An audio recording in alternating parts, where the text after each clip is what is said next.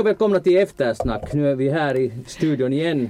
Jag vill säga jag är i Stockholm och Jeanette Björkqvist och Elli Flen är i Helsingfors och vi hoppas att ljudet är okej. Är det det? Nej, det är inte riktigt okej. Det är lång väg till mellan Stockholm och Helsingfors. Det är så ja. Men välkomna i alla fall till Eftersnack. Det här är ett program där vi gör upp om veckan som gått och eftersom för mig låter allt jättebra så om ni tycker att ljudet inte låter bra så måste Jeanette säga till så får du dra det här programmet alldeles för dig själv. Ska vi göra så? Nej, det kanske inte går. Vi får leva med det här. Nu har det någon rundgång där någonstans. Magnus, du måste stänga av mikrofonerna. Så här är det, hör ni, finländare och eftersnackslyssnare. Det är ju väldigt synd att om det låter riktigt bra i Stockholm när det här programmet inte går ut i Stockholm, men det krottar här i Finland där ju folk sitter just nu, hela Svensk-Finland, bänkade för att höra på eftersnack. Så är det. Uh, nu borde rundgången vara borta. Det här är väldigt ointressanta saker för lyssnare. I alla fall, hej och välkomna till Eftersnack. Vi är i studion, jag är i studion i Stockholm. Och Jeanette Björkqvist, hur mår du? Tack, jag mår bra. Jag sitter, Magnus, här i, på din stol här i Böle. Så du har tagit makten där då? Jag tog makten här. Och här bredvid mig har jag en fantastisk gäst. Elli Flen är nerkallad från de vida Österbottens slätter. Välkommen med i studion. Tack, Magnus. Hur står det till? Det står bra till. Du skulle hållas hem så vi skulle ha någon ordning på det här. Mm, du, du, har rätt. Men jag har gjort någonting som ni inte har gjort idag. Jag har vandrat på Lugnets allé i Stockholm. Hur kan du veta att vi inte har gjort det? Mm, jag är ganska säker. Jag såg inga finlandssvenskar där men jag tänkte att det endast i Sverige gator heter Lugnets allé. Men det var, det var ganska lugnt och fint faktiskt. Eh, uh, Elli Flen, du är ju sommarpratare. Du har varit i radion väl och snackat om det. Uh, vad, vad är det du tänker berätta i ditt sommarprat? Jag kommer att prata om händelserna uh, i augusti i fjol då um, talibanerna tog över makten i, i Afghanistan. Jag fick en akut släng av en urgammal eh, posttraumatisk eh, posttraumatisk stressreaktion och sen räddade jag livet på en bekant. Hjälpte ut henne och hennes familj ut ur Afghanistan. Det låter dramatiskt. Och hur länge sedan har du bandat det här? Hur, liksom, hur färdigt är det när man gör sommarprat? Sommarpraten görs ganska tidigt. Som, jag tror det var mars eller något sånt när jag bandade mitt. Så det, det, är ju lite liksom jobbigt, för då var det mitt i, att det just börjat den här Ukraina-krisen och man visste inte riktigt hur den skulle börja se ut. Men, eh, men den här historien med den här bekanta fortsätter ändå, så ja, nu är det ju det, det att en ny kris blossar upp någon annanstans i världen gör ju inte att den första slutar. Mm. Så är det. Så är det. Eh, det finns många intressanta sommarpratare. En annan som jag ser fram emot är Julia Korkman som ska tala om, eh, hon är rättspsykolog och minnesforskare, ska, ska tala om hur opålitligt vårt minne är. Och det är en sak jag funderar ganska ofta på, för man tror ju att man har ganska bra minne. Det man minns är det, att så här var det. Har ni upplevt att det kanske inte är så någonsin? Jeanette? Jag tror det där är jättevanligt och sen är det ju så att det går att manipulera minne ganska enkelt. Alltså att man kan plantera i sitt huvud och så börjar man tro att det är sant. Att det är ju, hon har ju, Julia Korkman alltså bland annat jobbat ganska mycket med såna här ögonvittnesskildringar i brottsaffärer. Mm. Och det där det visar ju sig att ögonvittnen är inte alltså på riktigt särskilt pålitliga för att man helt enkelt alltså registrerar inte rätt saker. Men vem, vad ska man då lita på om inte vittnesmål egentligen är helt pålitliga? Det blir Nej, men man får ju ha det som, det kan, men det där att man kan inte liksom fälla till exempel, eller det kan vara ganska, ganska kvistigt om man ska fälla någon endast på grund av, av ögonvittnesskildring. Det är klart att de kan fungera så att de stöder till exempel annan teknisk bevisning, men, men det där, det är svåra saker. Mm. Eller har du upplevt någonsin att du är bombsäker på att så här var det och sen på något sätt via objektiva fakta visar det sig att nej, det var inte alls så. Du minns fel. Jo, faktiskt. Och, och någon gång, till exempel när man, man pratar om en händelse med någon annan som var med, ja. så kan man plötsligt ha helt olika uppfattning om vad som egentligen hände. Och det, det känns, tycker jag, till och med lite skrämmande. För jag har någon gång till och med blivit, blivit anklagad för att ljuga. Och, och jag var helt bombsäker på att, att nej men jag ljuger ju inte, att så här var det. Och den andra människan har varit precis lika bombsäker på sin sak, att nej, det var så här. Och inte, vi fick aldrig löst den situationen, att vem nu som kom ihåg rätt egentligen. Mm. Men det, det är lite jobbigt. Sen finns det också det att man kan börja minnas en version av vad som har hänt. Att, till exempel om man, man har berättat att så här gick det till och sen är det där, det man kommer ihåg är den där ens filtrerade berättelse om, om det som verkligen skedde. Så man kommer inte alls ihåg liksom något annat än den där berättelsen och då blir den berättelsen helt sann som är kanske överdriven eller man har gallrat i sitt minne och så där. Och ännu värre än det är, har ni upplevt det där när man liksom ställs inför det, det man egentligen minns är ett fotografi. Ja. Så ja. alltså, att man tror att jag har en sån tydlig scen, jag har ett tydligt minne av det där. Men sen visar det sig att det är bara ett foto man som man kommer ihåg. Det är också lite pinsamt tycker jag. Alltså, då förstår man just det här. Julia kommer att ta, Korkman kommer att tala om mycket allvarligare saker, men jag menar just hur opålitligt ens eget, eller människans minne helt enkelt måste vara. Mm. Mm. Mm, sånt är ärligt. Hej, jag åkte ju båt naturligtvis hit och det var nya trender för att när jag åkte hit med båt så eller en sån jobbgrej jag ska göra här i Stockholm. Och då sa arrangören att ja, du är hjärtligt välkommen men du måste åka båt. Du får inte komma hit med flyg. Och det är nya tider, är det inte? Ah, är det någon sån här miljögrej? Ja, ja förstås. Ja, men det är ju intressant. Ja, och det är liksom, jag skulle påstå att det här kanske inte ännu riktigt finns i Finland, att man börjar ställa krav på de som ska delta i någonting. Jag var ju bara glad att jag fick åka båt. Ja, du sa väl det åt dem också? Jo, jag, jag, jag blev ju lite sådär Ehm, att det är självklart jag åker båt. Så jag, jag lite, lite sa sådär, försökte tillrättavisa det. Men, men man ska aldrig försöka tillrättavisa svenskar för det, man lyckas ändå inte. Så det, det, det, var, det var meningslöst. Hej, men vi går över till uh, en liten grej om Ukraina. Eller inte en liten grej. Uh, det där, minns ni den här Z-babuskan, den här bilden av en äh, äldre dam som kommer med Sovjets flagga. Och äh, det har blivit en sån här de har gjort statyer på henne i Ryssland för att hon liksom symboliserar för dem det att Ukraina egentligen vill höra till, ja, egentligen till Sovjet eller till Ryssland. Har ni sett den här bilden av henne? Ja, på sociala medier har den cirklat i olika varianter. Ja.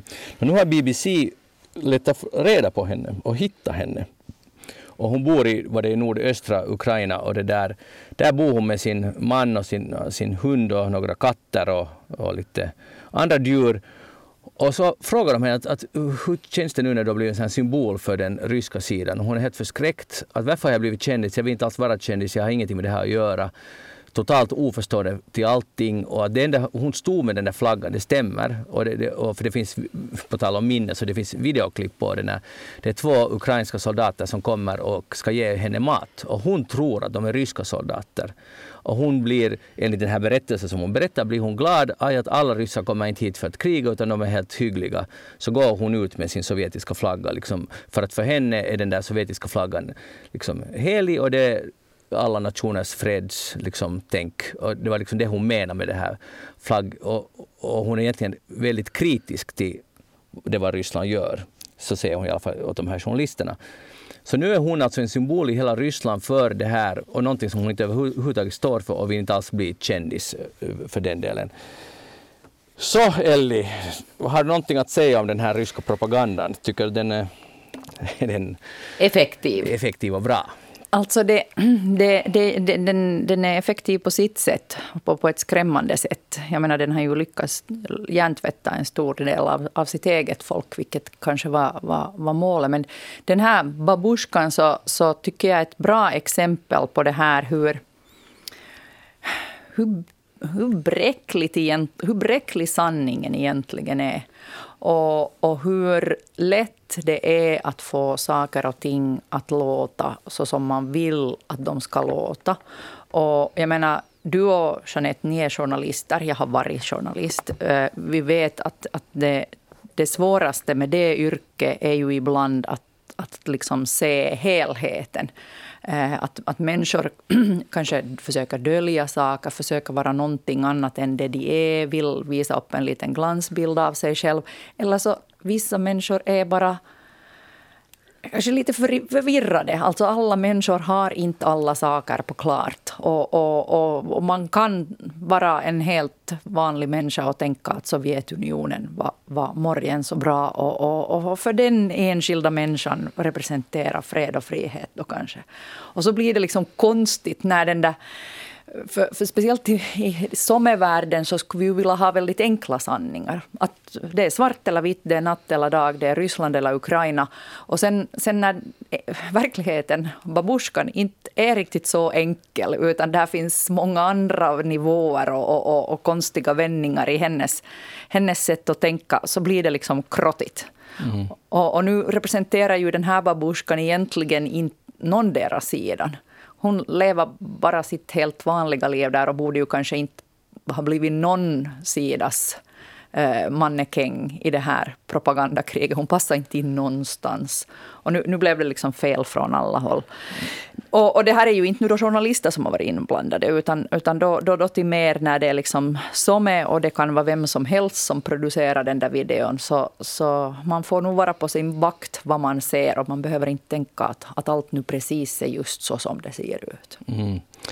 Rysslands utrikesminister har också levererat igår kan ut med att eller vad det idag, att vi har inte invaderat Ukraina. Att det där, vi har bara utfärdat eh, den här militära, speciella militära operationen eftersom vi inte hade något annat sätt att berätta för västvärlden att Ukrainas närmande till Nato är en kriminell handling.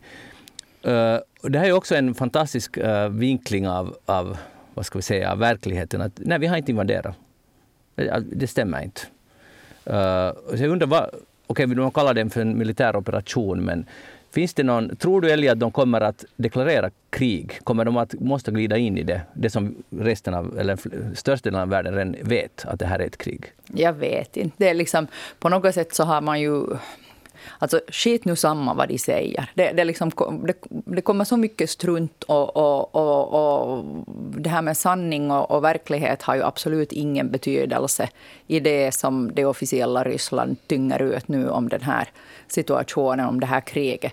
Så, så man, man vet ju inte det är ju det som är också gör läget skrämmande, att det, de är fullständigt oförutsägbara och kan, kan rättfärdiga vilka dumheter som helst. Så det bästa vi kan göra är nog bara att vara på vår vakt och hålla oss på armlängds avstånd från allt, allt vad som heter det officiella Ryssland för, jag vet inte, åtminstone fem generationer framåt. Eli, förra gången du var med i Eftersnack så då var det hade du, var du en sån NATO-eufori och det där... Nej, nej, nej, nej, nej. nu okay, avbryter okay. jag dig genast. Jag försökte ja, nimenomaan att inte vara euforisk. Okay, Fast du var lite euforisk, Elli. nu var du lite, okej? Okay. Så minns vi det och det är sanningen. Ja, exakt. Jag har ett tydligt minne av det här. Ja. No, och det där, hur som helst, uh, nu är det ju liksom käppar i hjulet från Turkiet. Jag vill bara, vi, vi har ju talat om det här redan tidigare i eftersnacket. Jag ville höra uttryckligen din åsikt om det. Uh, nu, är här en, för, nu måste jag fråga Jeanette, här är en tekniker nu här utanför som undrar om, om allt är okej okay nu. Hörs jag normalt? Nej, allt är inte alls okej. Okay. Aha. Så det kan... rasslar ut av attan då du pratar. Ja, men nu kan bort. Jag är ledsen, jag kan inte göra någonting åt den här saken. Nej, vi tar Turkiet istället. Ja, eh, ja no, där har vi då nästa kolsupare, får man väl tänka. Eh, alltså, lite nu, nu, nu kommer lite, lite min irritation krypande, men mot, mot oss, det finska folket. Ja. För, för det var lite det här som um, en hel del NATO-förespråkare försökte säga. Vi var inte så många då, kanske för, ännu för ett år sedan. Att den där NATO-optionen som det pratades mycket om då tidigare, är nu inte så där himla enkel enkel. Att det, vi kan inte förlita oss på att den dagen när vi får för oss att Nå, nu, nu vill Finland med, upp med handen, nu är vi med, nu vill vi med, att då liksom alla dörrar slås upp och röda mattan rullas, äh, rullas ut och man spelar Björnborgarnas marsch och så går vi in i Nato. Att det finns ju faktiskt den risken att världen ser ut då på ett sådant sätt att inte det är bara så där att marschera in.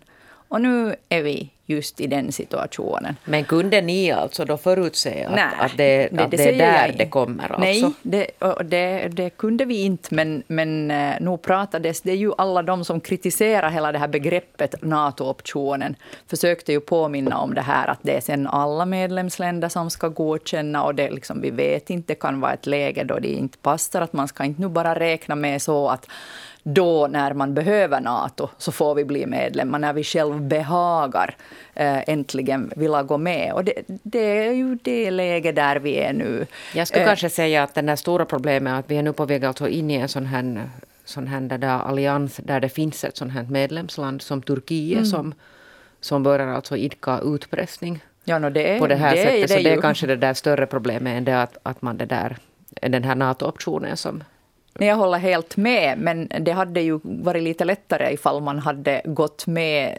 när det inte eh, var liksom bråk. För nu är vi ju liksom lite pressade. Nu skulle vi jättegärna gå jättesnabbt med och, och, nu går det inte så där smidigt som vi hade hoppats. Men och, inte vet man ju hur den där Turkiet då skulle ha agerat. Skulle det ha passat dem då bättre? Nej, det, det är alldeles sant. För Men det är de nog lite som här... att gå och shoppa en brandförsäkring när en pyroman är lös i stan. Det är ju det det här handlar om nu. Att nu, nu står vi där och vill handla en brandförsäkring när en pyroman härjar en. Så Men det är fortfarande blir det ju inte alltså någon skillnad för att vi kan inte veta att om det skulle ha varit för två år sedan eller tre år sedan Nej, eller whatever. Men då att skulle hur skulle Turkiet, inte... för att de har ju alltså helt uppenbart alltså någon sin egen agenda som riktar sig alltså nu specifikt mot Sverige. Och, det vet jag inte sen, jag är inte expert att säga att det där, har det här Ukraina-kriget och Rysslands alltså position, att har den liksom någon sån betydelse att de inte skulle ha agerat på det här sättet, alltså innan det här kriget bröt ut. Nej, du har helt rätt. Och jag, jag tror vi, vi, tycker egentligen lika. Vi ser bara lite på det på uh, annan vinkel. Min, min poäng är att nu, på, nu rasar ett krig i Europa och, och, och säkerhetsläget har förändrats. Så nu skulle det vara bra om vi snabbt skulle bli medlemmar. Just på grund av det skulle det vara bättre att de här förhandlingarna med kanske då Turkiet skulle ha skötts när det inte rasar ett krig i Europa. Men nu tänker du inte på den där detaljen att, att eh, eller det är inte en detalj, men som vi, det har diskuterats att Nato ska ju påstås ju vara en organisation för demokratiska länder som respekterar civilsamhälle och så vidare, rättssam, rättssamhällen och så vidare. Uh, så är det ju inte uh, när vi har Turkiet med. Och det här är en konsekvens av det. Mm. Så, så, att, att Nato målas kanske upp ändå lite i fagrare färger än vad det de facto är på grund av den här aspekten. Alltså Nato är i första hand en försvarsallians. Mm. Den liksom finns till för att försvara sina medlemmar. Eh, sen har den ju liksom principer. Och ja, jag håller helt med att Turkiet är nu inte liksom på något sätt bäst i klassen och den som ska ses som, som mönstereleven. Men vi vet också att strategiskt försvars, eh, försvarsstrategiskt så, så finns det en himla massa orsaker till varför de i tiderna har tagits med. Eh, sen tror jag ju fortfarande på det att det är bättre att ha, ha dem vid bordet och sen kunna påverka dem. Uh, istället för att inte ha dem vid bordet och, och, inte kunna påverka. Men nu är ju problemet att Finland inte är vid bordet och inte Sverige heller. Utan nu är det vi som står och skrapar på dörren och skulle vilja in till, till bordet för att sen kunna vara med och påverka hur uh, Turkiet uppför sig. Mm. Nu har vi inte den lyxen, utan nu är det vi som står med mössan i hand och skulle vilja in. Jag tror att man i Finland är ganska van vid det att, att vi ser ju på oss själva som, och Sverige precis samma sak. Att det här är fungerande samhällen, vem skulle inte vilja ha med oss? Liksom, det är klart att vi är pop. När, när Finland gick med i EU så gick det också hela den här processen från att ha blivit ett ansökarland till att bli fullvärdig medlem gick väl på typ fem år, vilket är jättesnabbt. Och jag tror att vi, ha, vi, vi utgår på något från på något sätt ifrån att det är så det funkar när vi vill någonting. Så på det sättet ger jag dig Eli rätt att att uh, de flesta trodde säkert att det är bara, det är bara att promenera in, promenera in då när, man, när det behagar oss. Mm. Så här är den. Uh, hej, jag läste en kolumn i New York Times uh, där det diskuteras just kriget naturligtvis, men egentligen var precis som pandemin, att man kan också försöka i alla fall se något positivt. Och här, hans slutsats, nu tänker vi miljömässigt, alltså den här omställningen till att producera energi på ett renare sätt. Så hans slutsats, sista ordet, är att om detta krig inte oavsiktligt spränger planeten kan det oavsiktligt hjälpa till att upprätthålla planeten. Så tror ni på det här? Att det här finns en sån möjlighet att det här, trots det grymma och fruktansvärda eh, som ukrainska befolkningen sätts ut för, utsätts för, så finns här en väg som gör att om man ser på globalt så kan det här vara en vad ska vi nu säga, i alla fall någonting positivt i allt elände. Ja, alltså det är ju hemskt att tänka det den där vägen att, att det är liksom positivt i mm. elände. Mm. För, för, men, men, men ja, jag håller med och vi ser ju det redan. Eh, alltså för Finlands del, det är att vi nu eh, gör, gör vad vi kan för att sluta handla energi eh, från Ryssland, alltså elektris, olja, gas. Eh, om, om vi lyckas som EU få avklippt de här, så då slutar vi ju finansiera Putins eh, krigskassa. Eh, och det betyder ju att då måste vi hitta den här energin någon annanstans. Så, så jag tror ju att det finns ett jättestort potential, eh, och inte bara jag utan då andra också pratar om det. Det finns ju ett jättestort potential för, för, för till exempel finländsk förnybar energi för tillfället nu. Att vi, vi måste bygga eh, nytt och eget så att vi inte längre någonsin ever är beroende av av rysk energi. Så på det sättet så tror jag ju att det här kommer att leda till, till goda saker. Men det, det är ju en jobbig övergång och den kommer ju lite för hastigt för det kommer ju liksom det, är ju lite, det kommer att vara sky, skyhöga energipriser nu då tills vi, vi hittar en ny balans. Men, men jag tror nog att den kommer att sätta fart på den här gröna övergången. Det, det, men det kommer dubbla signaler, för att om man tittar på jag skulle vilja diskutera flyg igen. Jag nämnde här just att när jag skulle komma hit så, så var kravet att jag skulle inte få flyga. Och det var förstås inte ens nära, men, men inrikesflyg. För att uh, det är en sak som eh, engagerar alla ute i, uh, eller i hela landet säkert. Och man, det gäller ju också Österbotten, men jag läste här om, om uh, Björneborg uh, i förra veckan, tror jag det var i Helsingin Sanomat, så var man uh, irriterad på att det det finns risk för att flyget Björneborg-Helsingfors dras in. Och nu, nu vill staden stödja det och de vill ha statligt stöd och det får de också. Staten stöder eller subventionerar vissa inrikesrutter. Och det där. Och jag blev bara nyfiken på det här. Jag började kolla att hur mycket tåg och buss går det egentligen mellan Björneborg och, och Helsingfors. Och det går en vanlig vardag går det nio tåg mellan Helsingfors och Björneborg. Man måste byta, men det tar tre timmar och 20 minuter. Det finns väl ett direkttåg. Sen går det 15 bussturer. Inte helt kvällstid, men i alla fall 15 bussturer. Och, då och det tar väl lite mer än 3.20. Och då funderar jag bara att, att passa det här in i den här, den här linjen att vi ska att det är nu en revolution på gång och nu ska vi alla bidra och det ska, vi ska ställa om och så vidare. Och Elli, hur ser man på det här i Österbotten? För att där är, nu, nu kom det ju just snack om att de här dyrare bränslepriserna gör att, att de är i fara, de här uh, flygen från inrikesflyget helt enkelt är, är i fara, bland annat från Karleby och Jakobstad. Ja, no, nu kan jag inte säga att jag representerar hela Österbotten. Men, men Visst gör du. Ja, ja, ja okej, okay, jag gör det.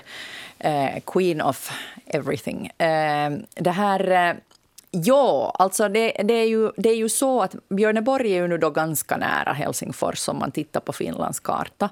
Så, så därifrån tänker man ju att det går att ordna ganska snabba förbindelser. Eh, pandemin gjorde så att jag böt från fly, flyg till tåg. Så jag får nästan alltid med tåg nu när jag kommer från Österbotten. Det tar längre, men, men det blev så dåligt med flygturer så det blev helt enkelt bara billigare och, och, och det här eh, Eh, och smidigare med tågen.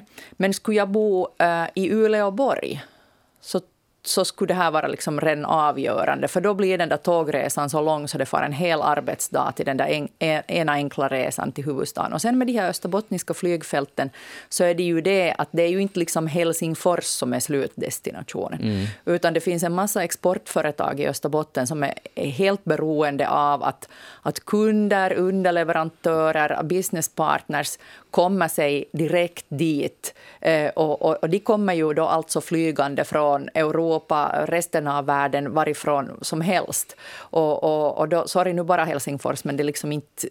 Det är skitsamma om de mellanlandar i Stockholm eller var, var de landar, bara de kommer sig till, till, till, till Krumbi eller till Vasa. Och, och det är det som skulle vara riktigt illa för det österbottniska näringslivet om det inte finns fungerande flygturer till, till till Österbotten. Men, men, jag förstår det där och vi vill alla, eller de flesta vill komma snabbt, men det är också en inställningsfråga. Och jag, jag försöker inte alls vara arrogant. Helsingfors är inte heller världens metropol. Verkligen inte. Så att om, om uh, vi ska ha ett möte i Paris så tycker jag att jag tycker faktiskt man kan ta tåg dit. Jag förstår att de flesta inte kan göra det. Men då kan man ha distansmöten som det är så populärt nu för tiden och så lätt. Att det är också en sån här, mm, det är nog ganska långt en inställningsfråga. Att måste, alla, måste man alltid träffas till exempel? Och om man bestämmer att ja, det, nu är det så att det går inget flyg mera till Vasa, så då tar man ju tåget. Och inte tar det nu så väldigt länge. Och jag, och jag, jag menar så här korta möten som flyg liksom understöder ju det att hey, vi träffas i två timmar så flyger man hem. Och det är oekonomiskt och dessutom ganska oekologiskt. Att jag är inte så säker på jag tror att det handlar också ganska mycket om vad man bestämmer. Om man, alltså realiteter, att om det inte mera går så löser man det på något annat sätt. No, Jo, till en viss del så är det ju så. Och visst har liksom distansmötena ökat, definitivt. Och, och, och det, det, är ju en bra sak. Om vi ska hitta bra saker med pandemin så tror jag ju att det har kommit. Men att man kommer inte helt bort från det. Uh, och, och, människor behöver på riktigt också träffas av en massa olika orsaker. Och det, det är nu lite lätt att säga det där, Magnus, när inte det gäller dig. Och, och det, det liksom jag menar, du berättar just att du, du äh, absolut gärna far till Stockholm med båt. Men om jag skulle få det kravet att jag från Nykabi måste ta båten när jag ska till Stockholm, då kommer den där resan dit att ta ett och ett halvt dygn för mig. Eh, för jag måste först på något sätt eh, också ta mig ner till Åbo för att komma till den där båten. Och, och, och, då börjar vi liksom prata om ganska långa saker istället för att flyga en timme från Vasa direkt till mm. Arlanda. Och så, så då tycker jag att man kan börja fråga att det måste ju liksom, det går ju något, det tar ju också resurser att, att, och bensin att, att köra ner till Åbo och, och att, att, att, där måste det ju börja komma emot och att vilket på riktigt är vettigare. Och sen mm. det, det är nog den där tidsaspekten att att, eh, att blir det för krottigt så väljer ju, om det är en kund, du ska ha en kund till eh, Österbotten till ett företag. Så då kanske är ju risken stor att de väljer ett annat företag som det är lättare att komma till än att, att trackla iväg någonstans långt, långt upp i skogen. Eh, och, och, men om det bra företag råkar finnas och långt upp i skogen så måste vi se till att det finns förbindelser så att ja. man kommer sig dit. Men vänta, alltså, jag förstår den där kritik som du nu säger gentemot mig är helt liksom, på ett sätt berättigad. Bra. Äh, på ett sätt. Men, för, men. men! Här kommer det där men. Alltså, för jag, tyck, jag just personligen, jag förstår att det här inte är realistiskt för de flesta, men jag personligen tycker att allt inom Europa är tåg. Alltså på riktigt, om jag far till äh, Prag så tar jag tåg och då tar det jävligt länge och jag förstår att alla har inte den där möjligheten. Men jag menar bara att, att just att det gäller ju inte mig personligen för jag behöver inte ordna kundmöten i Österbotten. På det sättet gäller det inte mig. Men vad jag menar är att det är också en inställning att om vi, att så här är det, så då hittar vi på en lösning. Antingen måste vi få flyglarna mycket, mycket renare eller så måste vi ha mera distansmöten. Alltså, det, det, är bara så här jag tänker. Och jag tror ju att det är så de österbottniska företagen tänker. Alltså, ja. jag, jag, skulle inte en sekund tro att man inte liksom ägnar det här en, tan en tanke, utan mm. man gör nog vad man kan. Men, men realiteterna så, så finns fortsatt, fortsatt kvar. Men Magnus, alltså, vad är det du är ute efter? Alltså, tycker du att man borde stänga ner alla flygfält? Nej, nej alltså det, det kommer inte att, flyg är ju ändå otroligt praktiskt, så jag menar, på grund av hastigheten. Men jag läste bara en annan artikel där det stod, det gällde brittiska flygbolag att de har inte överhuvudtaget levt upp till de miljökrav som de själva gått ut med. Och det var, de hade följt upp vad har de lovat under 2000-talet, vad har de levererat. Och det var väldigt lite som de har hållit sina eh, miljöutsläppslöften. Att det har bara inte gått. Och det är säkert av ekonomiska orsaker, så jag kan bra förstå det. Men då måste, om det är så att vi vill behålla flyg, så måste vi se till att de blir mycket renare. För att flyg kommer ju ändå en lång tid framåt vara det snabbaste och effektivaste sättet att resa. Men då måste vi göra något åt de där utsläppen istället. Elflyg eller någonting, jag vet inte vad. Och det är säkert på gång. Men jag menar, jag tycker bara att det känns lite old school att man... Det var det här diskussionen började med Björneborg. Att man från Björneborg kräver att det ska finnas ett inrikesflyg till Helsingfors. Jag tycker inte att det passar in i dagens... Just så som flyget är idag. Det kan vara att flyget utvecklas om tio år så funkar det. Och det är mycket bättre då. Men idag, så jag förstår inte om det är något som tar tre, lite på tre timmar att åka kollektivt och man åker från centrum till centrum. Så varför ska det flygas? Det här förstår jag inte. Det är säkert för att de vill ordna den där Suomi-arena där ser du, för att det är en massa viktiga högdjur som ska komma dit och det lär vara lite krottigt att ta sig till Björneborg. Ah. Alltså det är krottigt att ta sig till Björneborg varifrån man än far. Mm, Finland är stort och det är, det är därför jag förstår att flyget kommer att alltid, men det, må, det måste hittas på någonting där. Nåja, men nu ska vi inte fasta på det här, utan Jeanette Björkis, vad har du tänkt på den här veckan? Nej, jag har lite tänkt på det där polisen som sån här samhällelig problemlösare. Och det har att göra alltså med att här i Helsingfors finns ett sånt här, ett sånt här torg bredvid en metrostation i Sörnäs. Och det här torget har alltså av tradition under många, många, många år varit den plats där alltså man idkar droghandel och så finns det alltså en massa missbrukare som hänger där. Det är lite sådär som deras vardagsrum. Och det, där, och det kan vara ganska stökigt där, eller inte ganska utan väldigt stökigt. Och nu har det varit så stökigt att det där invånare och företagare äh, slog larm. Och det ledde sen till att polisen äh, gick in med en sån här specialoperation. Under tre veckor var man där och gjorde sån här effektiverad övervakning. Och det där skyfflade iväg alltså över tusen personer tror jag därifrån och plockade fast alltså folk som, som gjorde något sån här narkotikabrott. Och nu är den här operationen över. Och, det där, och jag skrev om den här och sen så skrev jag alltså, ringde jag Helsingfors stad och frågade att nå, för det har varit aktuellt alltså att Helsingfors skulle vilja pröva ett sånt här, det kallas brukarrum, alltså ett sånt här övervakat alltså rum där, där narkomaner kan äh, ta sina droger som man fin, har i Köpenhamn och man har i Oslo. Det här. Och det satte Krista Kiuru, bland det sista hon gjorde innan hon får på mammaledighet, så sa att hon, hon sa att det här kommer inte att hända under den här regeringen, att det finns inte regeringsprogrammet.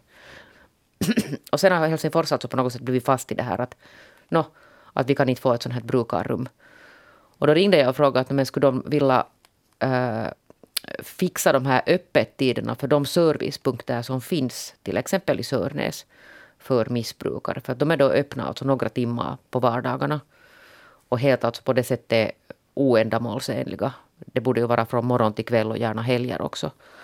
För att skulle det finnas sådana rum så skulle de inte behöva stå där eh, på Sörnäs, där vid Sörnäs metrostation. Men något sånt tänker man inte heller göra. Så det kommer nog att leda tillbaka då till det att, att polisen säkert igen måste sätta in några no, no specialoperationer och skyffla bort dem. Men polisen är ju inte den som löser sådana här saker.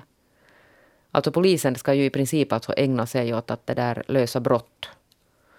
Och att i det skedet sen när polisen kommer in, och det är lite samma sak har jag tänkt på den här, när jag höll på med min den här Närpes-rapporteringen, att, att, att sen kommer polisen där och så börjar man uppdaga brott och försöka utreda dem. Men det är ju inte egentligen alltså polisens problem om människor alltså hamnar utanför samhället så till den milda grad att man inte förstår till exempel att man blir på något sätt utnyttjad. Men, men vi vill så lätt tro att polisen är den som ska lösa allting. Mm. När lösningen på riktigt finns någon helt annanstans. Men var finns lösningen nu då? Lösningen finns alltså till exempel för de här missbrukarnas del i social och hälsovården. Alltså det är ju de som måste se till att det finns service. Integrationen, om man talar om sån här utnyttjad arbetskraft. Och det är ju inte alltså polisen som ska integrera människor, utan det är ju andra myndigheter. Det där kan ju, kan ju bero på det att, att vi finländare har ju jättehög tillit till polisen, vilket är en bra sak. Men vi kanske litar på dem lite för mycket och, och skyfflar över en massa ans alltså i våra, i våra sinnen så tänker vi att de ska göra allt ont. Ja, för att det är ju ofta så att sen när någonting händer så har man sagt att polisen, polisen måste komma hit och polisen måste lösa det här. Mm. När det liksom finns saker som egentligen, alltså de, sen, sen när det har gått för långt så sen landar de hos polisen när man egentligen borde ha kommit åt de här innan det blev polissak. Men eh, jag, jag, är inte så jätteinsatt i, i, i drogpolitik. Du, du vet mycket mer, eh, Jeanette. Men, men de här brukarrummen, är det alltså så att det skulle behövas en lagändring för att man ska få ha... En stad kan inte själv upprätthålla ett sånt. Nej, det är inte det, utan det är den där att det måste göras en lagändring så att när man kommer till det här rummet med sina narkotiska preparat så ska man inte straffas för narkotikainnehav. Så det är liksom den knixen, att när man använder det här. Ja. Och sen alltså också att, att säkerställa att vad är den här personalens ställning. För att i princip är ju droger förstås alltså olagligt. Men där i Köpenhamn där jag också har varit så det är ju sån här, sån här liksom nollzon. Att när man är där så kan man ha sina preparat och så kan man använda dem. Och vad man nu sen gör där utan att alltså polisen ingriper för att det är liksom grönt ljus mm. på ett visst område. Men jag, jag tror att Tror du att allmänna opinionen skulle vara redo för det i Finland? Ja, faktum är att det är och det har gjorts otaliga enkäter och Helsingfors stad är jätteredo. Politikerna är alltså redo i fullmäktige att man verkligen vill testa på en sån här lösning. Mm. Hur, hur har det funkat? Alltså, de har haft det ganska länge i Norge eller vad? Ja, Norge har de haft det sedan 2005 och i Köpenhamn också väldigt länge. För det måste ju finnas liksom statistik på att hur mycket ja, minska? Färre alltså människor dör i, i överdoser. Och sen alltså i Köpenhamn så har jag låtit mig berättas som så att det var tidigare otroligt rastlöst.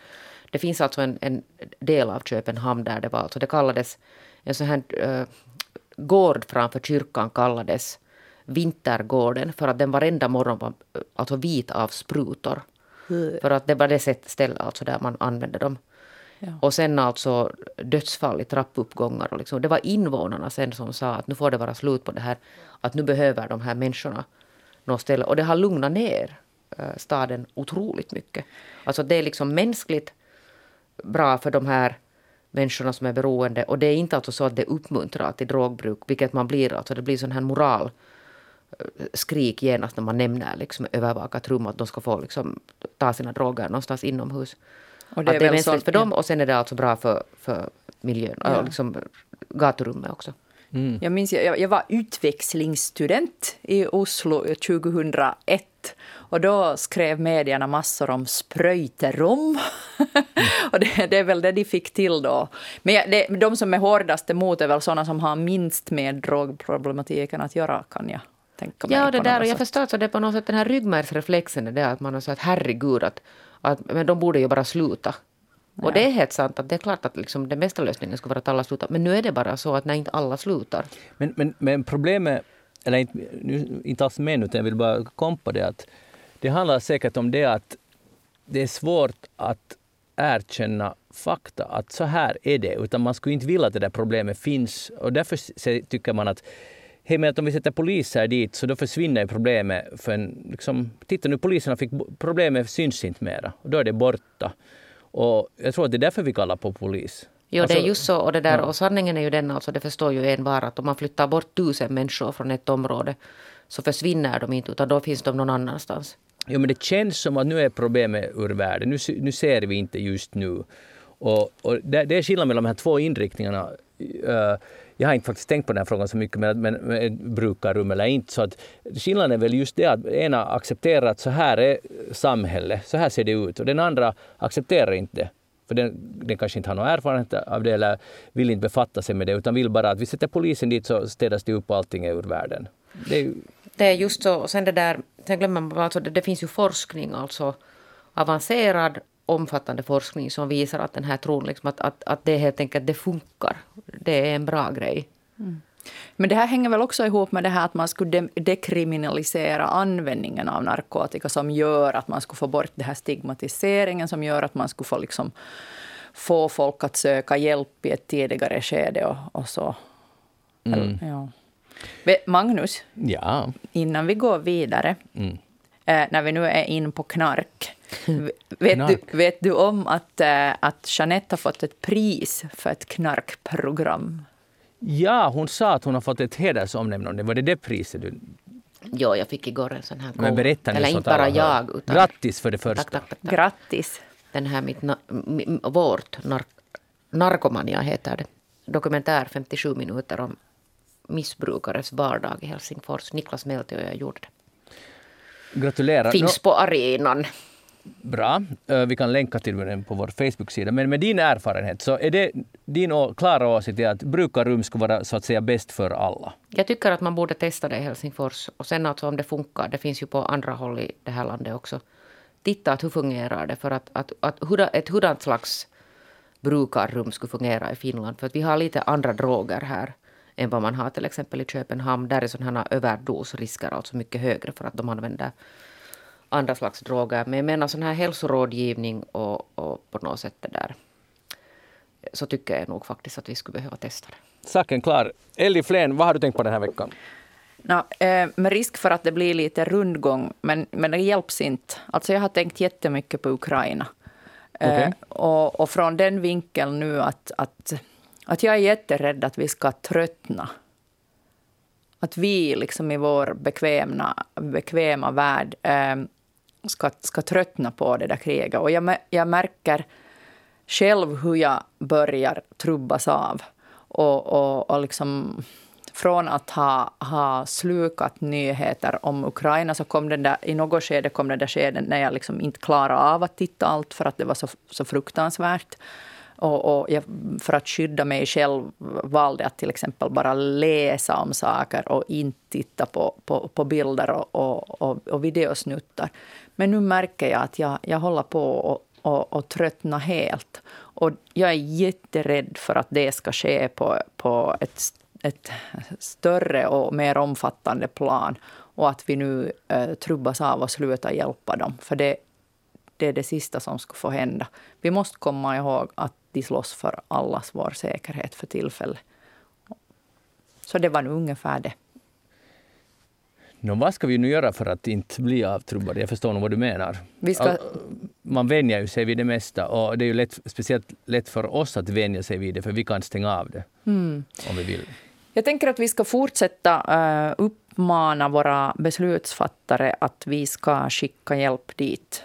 För jag tror inte att det Menar finns du vapen nu? Vapen, alltså nimenomaan vapen. Jag tror inte att någonting annat hjälper. Det, vi, vi måste ge dem allt vad vi kan för att de, de ska slåss och slå, slå, slå tillbaka Ryssland, för det är det enda som kommer att kunna rädda dem nu.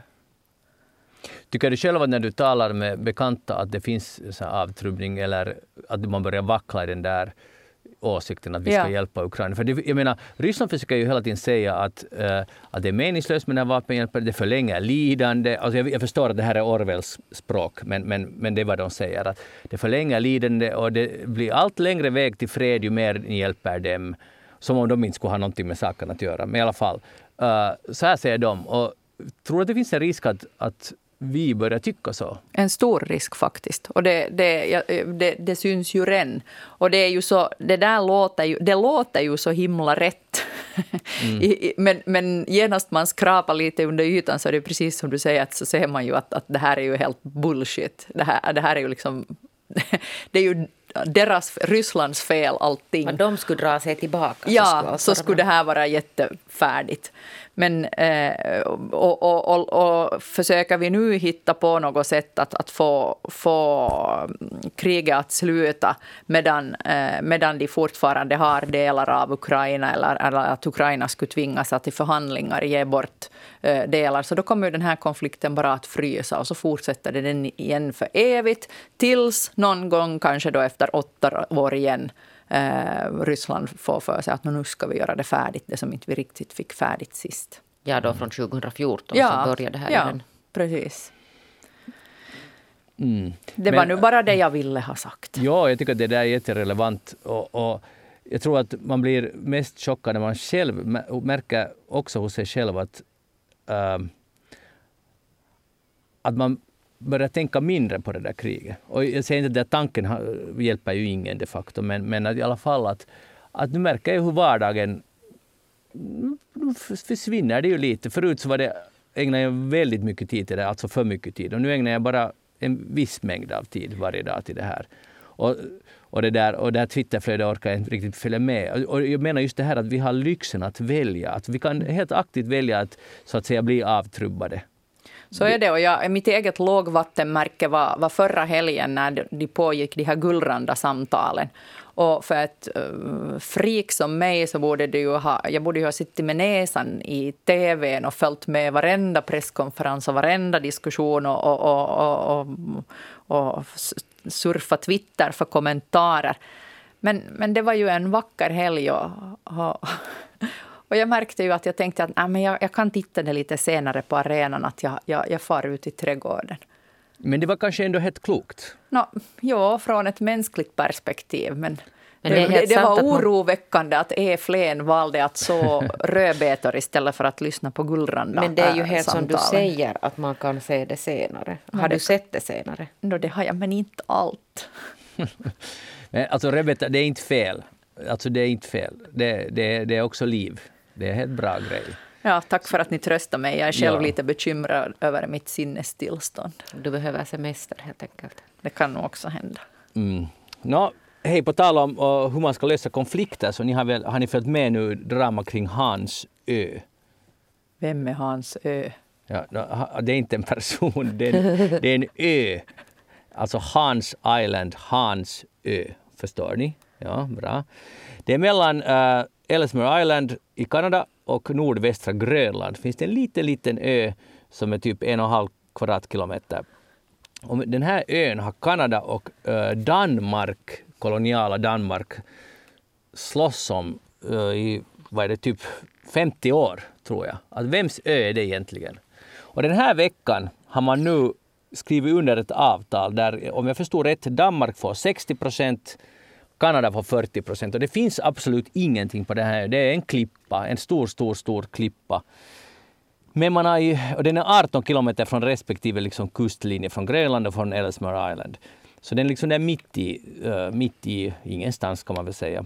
Uh, och ingen bor där har jag på känn. Nej, nej, absolut ingen bor där. Men vad är den här, det måste finnas någon sån här viktig symbolik i det här. Är det något med landsgränser? Varför är man så fast i den här? No, det, är väl, det har blivit en, en vits. Och det är det här det som är det roliga att så här gräl, kan man också gräla. Danmark och Kanada grälar om den här ön på det sättet att de har, det började med att Kanada for dit, det var någon högt uppsatt delegation och gömde kanadensisk whisky på den här ön för att visa att det här är nu vårt, vår ö. Och Danmark for, sen får väl danska statsministern i något skede for dit och satt snaps, eller var det gammeldansk? Ja men det här dit. har jag hört. Ja. Och så, här, ja, så har de hållit på.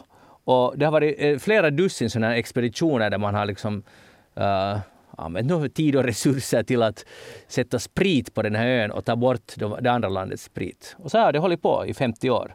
Och jag blir ju lite glad när jag läser det här. Det är ju, jätte, eh, det är ju lite barnsligt och sådär, men ganska roligt är det inte. Ja, det här är ju gentlemen som slåss. Men ja. det, där, det var lite intressant att det blev 60-40, att inte 50-50 så att säga. Ja, jag undrar vad bakgrunden till det Kanske det här kan skapa indignation i Kanada, det är möjligt, jag vet inte sen. Uh, men uh, så här är det, att nu är, det, nu är i alla fall konflikten löst och nu behöver de inte mera sätta de här förra spriten dit. Men det är ju, det är ju lite ledsamt det också om det var roligt grej. Om det är alltså faktiskt så att de båda har förhållit sig till det här lite sådär skämtsamt ändå, att det inte har varit någon sån här blodigt allvar. Och... Nej, det verkar som att det har varit humor hela vägen.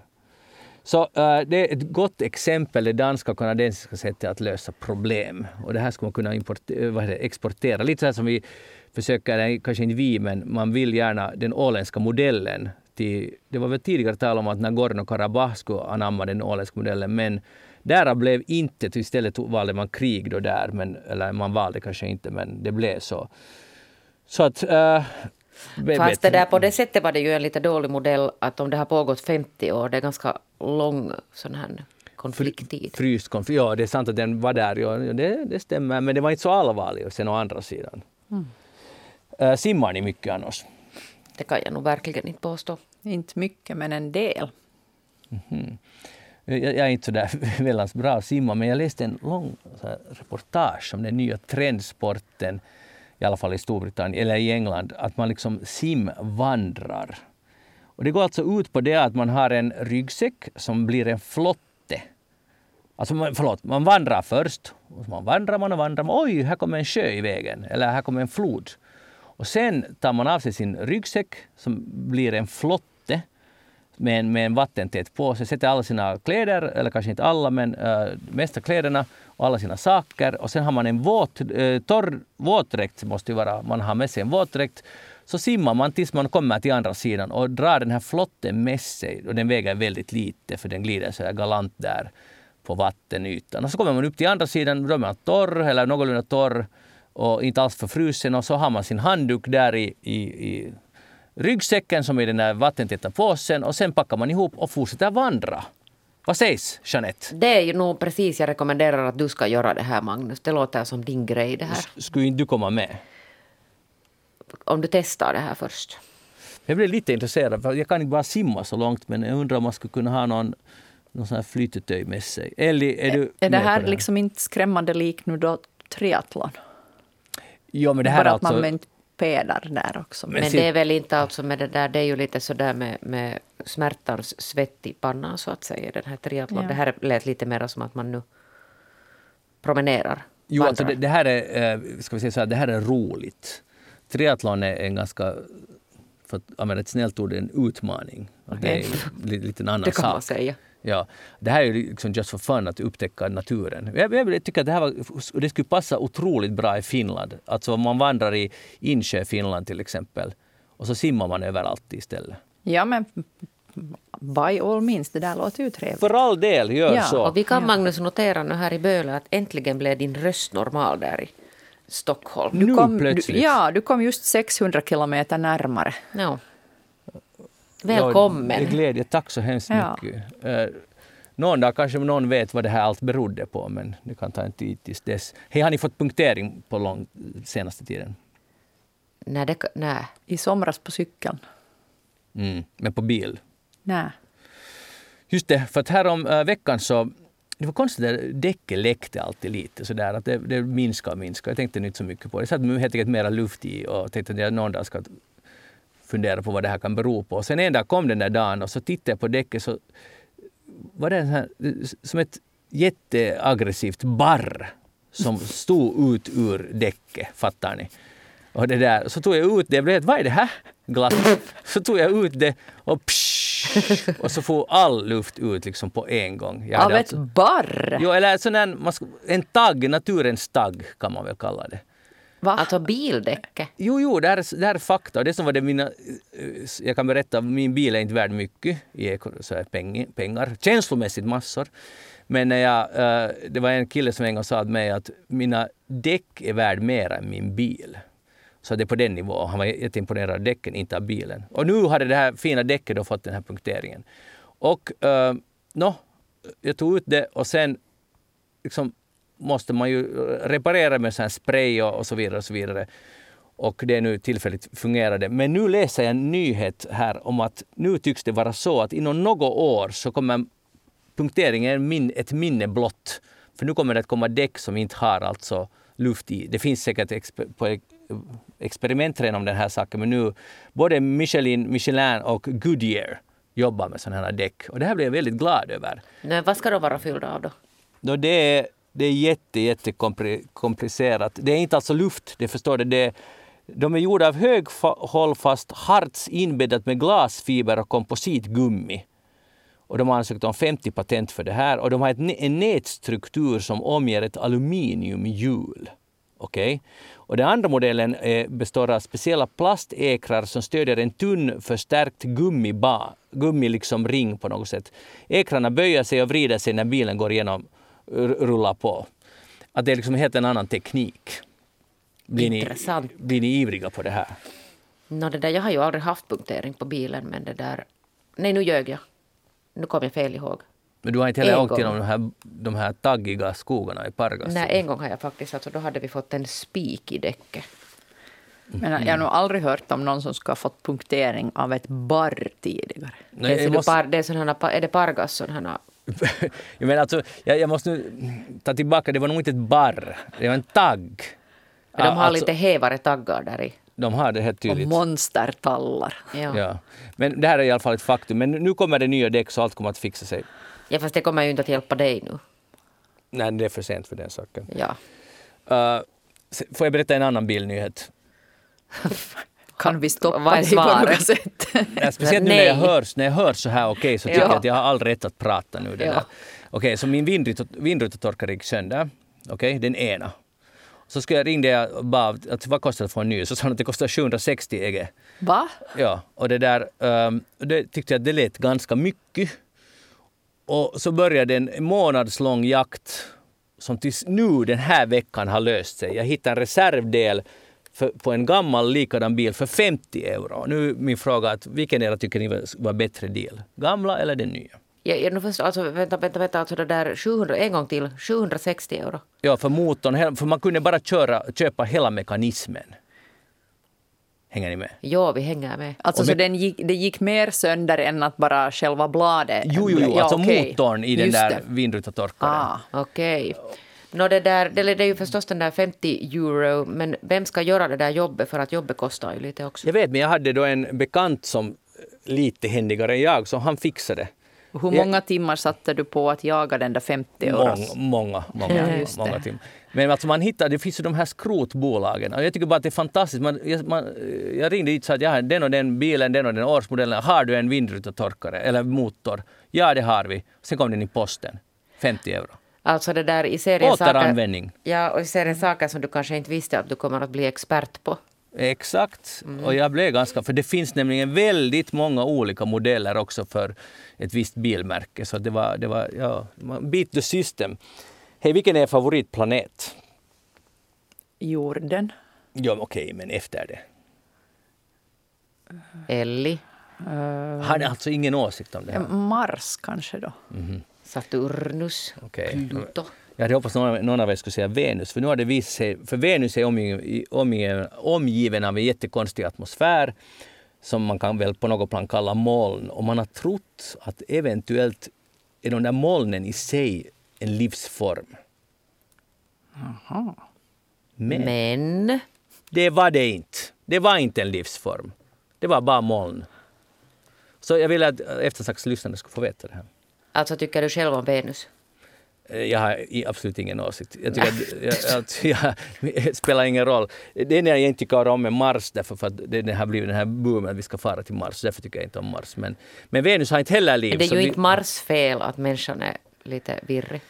Jag tycker Nej. vi ska överlåta det här åt Magnus Rosenlund på ett Marcus. an- Mark, förlåt, Markus Rosenlund på ett annat Vega-program. Han brukar veta sånt här. Tror Ja. de vet mer än vi? Ja. Det, det låter Vadå jättekonstigt. vi eller du? Eller jag i det här fallet. Ja. Men det är i alla fall ett faktum att där finns inte liv. Om ni, någon av er var på väg dit för att hälsa på.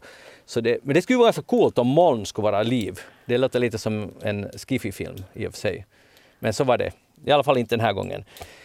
Eftersnack börjar vara slut för idag. Vi är jätteledsna för, eller jag är i alla fall jätteledsen, jag vet inte om ni är det, men för de tekniska problemen. Men Och tack Max. Kivivuori som har hållit nerverna i styr trots allt tekniker här i Böle. Tack, tack Max Kivivuori. Tack Jeanette Björkqvist för att du var med idag och Elli Flen, tack för att du var med. Och ha en trevlig sommar, eh, alltså till, nu säger jag till Elli. Och nästa vecka har vi, är det midsommar eftersnack eh, där vi kallar på självaste rektor Mischa Eriksson för att diskutera ja, allt som händer på midsommar. Så då, det är säsongens sista program så då hörs vi om en vecka. Jag heter Magnus Lodén. Ha det bra tills dess. Hej då!